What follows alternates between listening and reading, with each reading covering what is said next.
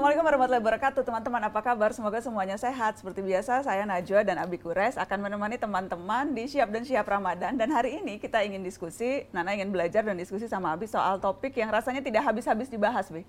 Tidak pernah akan habis. Ilmu tidak bertepi ilmu tidak bertepi. Saya baru mau bilang apa topiknya, tapi Abi sebagai co-host sudah langsung membocorkan. Ya, kita akan bicara soal ilmu dan teknologi. Uh, kerap kita bahas, tapi karena tadi Abi bilang tidak bertepi, dan karenanya kita mau ajak teman diskusi seperti biasa, dan hari ini spesial karena teman diskusi kita di Siap-Siap Ramadan adalah Menteri Pendidikan dan Kebudayaan, Mas Nadiem Makarim. Assalamualaikum, Mas Menteri. Waalaikumsalam, Mbak Nana, Abi Quraish, apa kabar? Baik, Alhamdulillah sehat-sehat, Mas.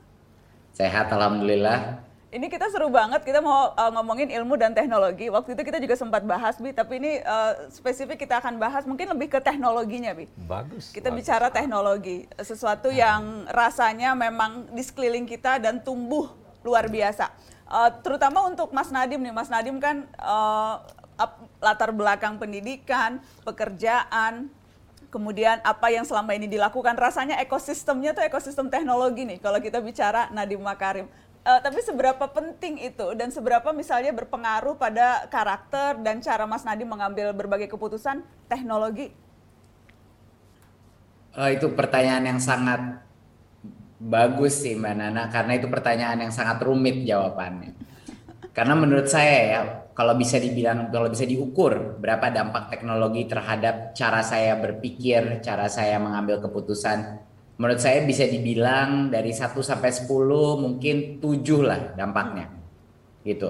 Uh, dan karena apa? Ada beberapa hal yang berinteraksi dengan teknologi itu membuka pikiran saya terhadap beberapa hal.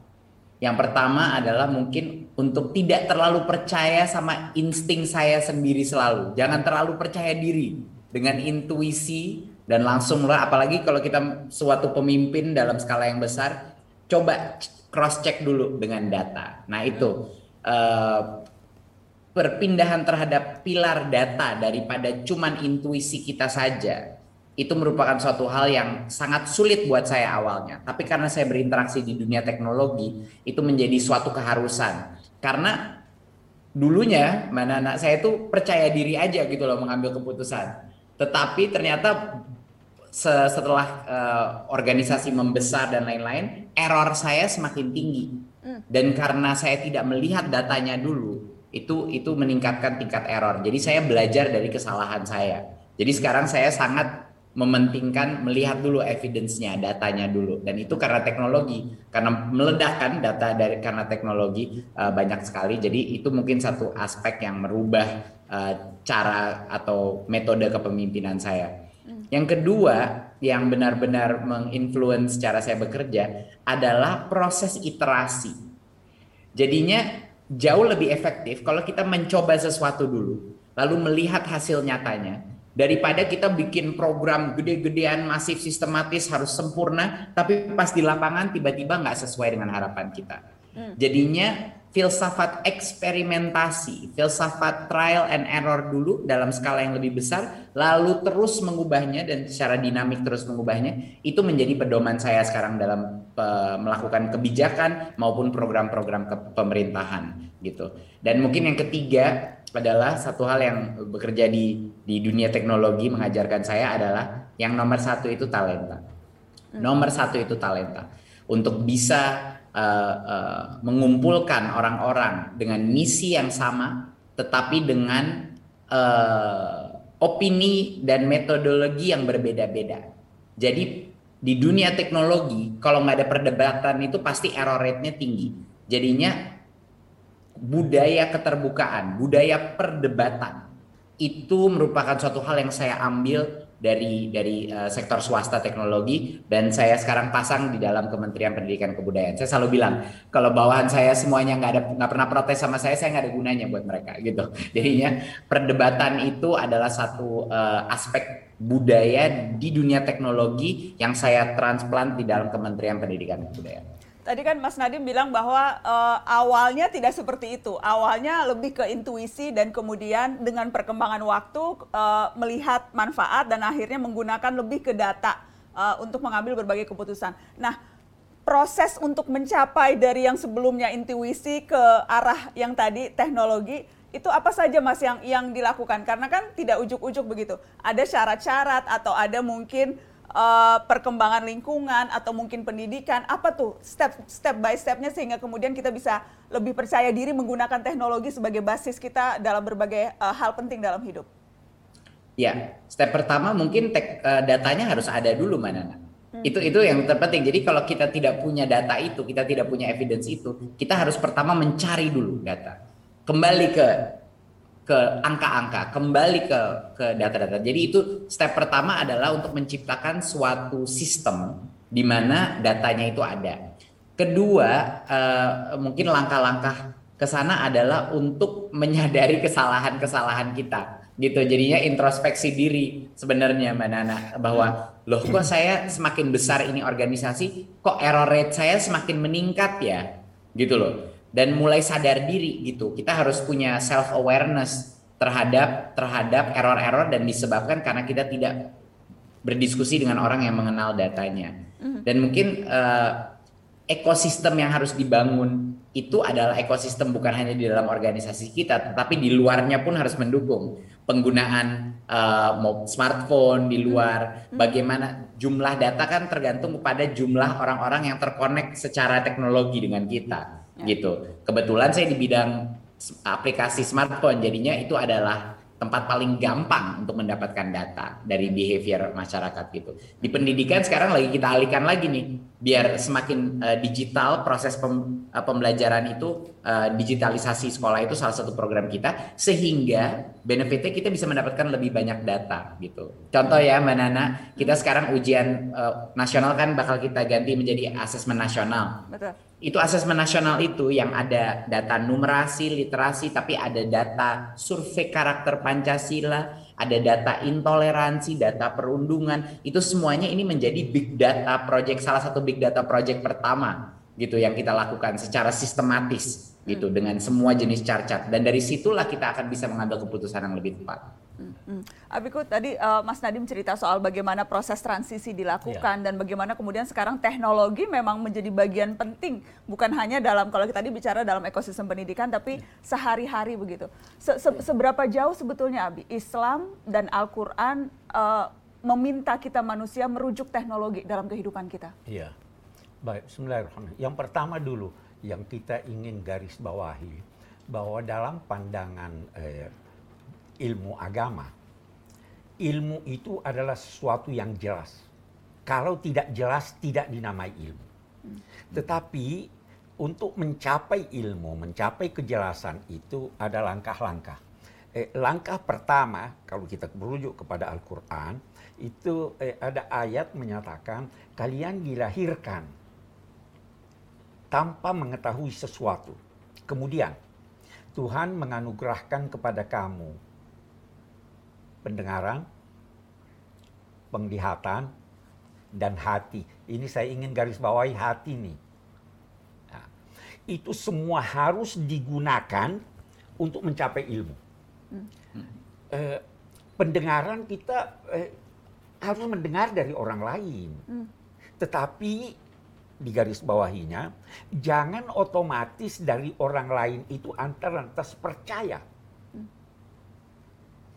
kita tidak eh, kritiknya terhadap eh, masyarakat itu percaya dari apa yang dikemukakan oleh orang-orang tua. Tidak. Kita harus jadikan itu bahan pemikiran dan mengujinya apakah itu benar atau tidak. Hmm. Nah, baru penglihatan. Penglihatan ini eh, penelitian. Harus ada penelitian sehingga terbukti apa yang kita ingin hadapi. Nah, tapi ada satu hal yang biasanya orang lupa, Mas Nadim. Ada dalam agama itu yang dinamai ilham. Ada yang dinamai firasat.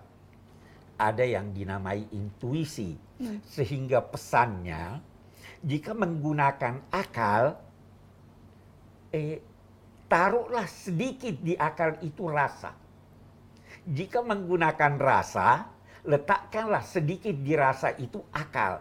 Sehingga jangan pertentangkan antara akal dan rasa selama itu objektif. itulah yang mengantar kepada hasil dan hasilnya itu adalah teknologi.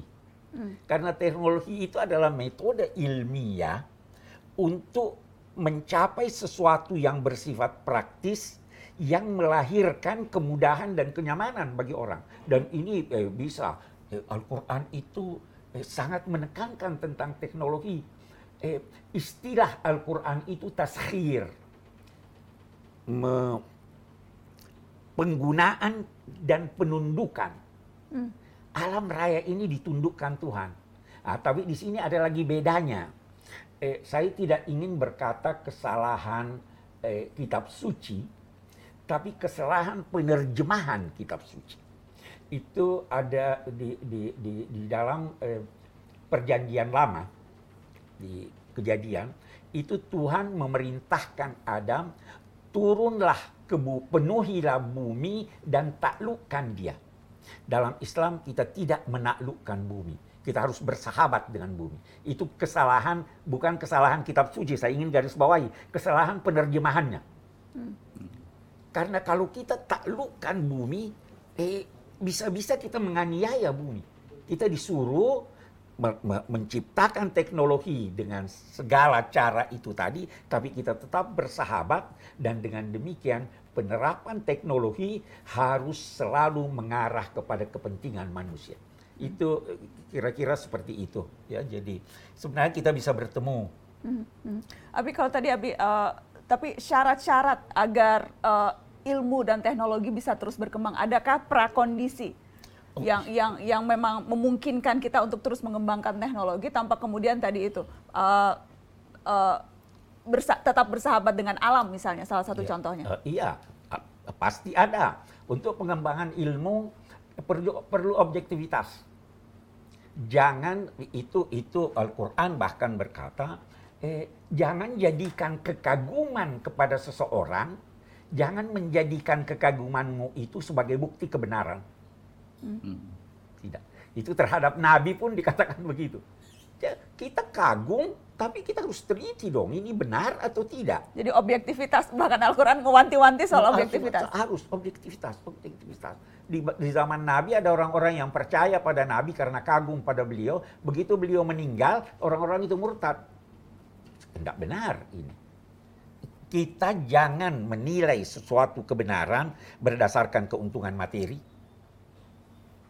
atau berdasarkan kekaguman pada seseorang.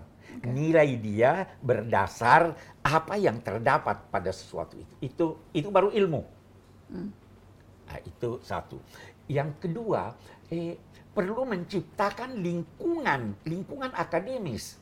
Eh, kalau kita, Mas Nadim, kalau di perguruan tinggi dosen-dosennya itu bacaannya bukan bacaan ilmiah, bagaimana bisa timbul gairah untuk harus ada lingkungan ilmiah. Kalau dalam eh, eh, bahasan pakar-pakar itu kemajuan ilmiah yang menghambat kemajuan ilmiah di Eropa dulu adalah eh, eh, pandangan-pandangan keagamaan yang dianggap bertentangan dengan hasil penelitian ilmiah. Galileo begitu kan? Nah, kita harus objektif. Karena itu, kalau ada hakikat ilmiah, saya ingin garis bawahi, hakikat ilmiah yang dinilai bertentangan dengan teks keagamaan, maka teks keagamaan harus difahami secara metafor supaya bertemu.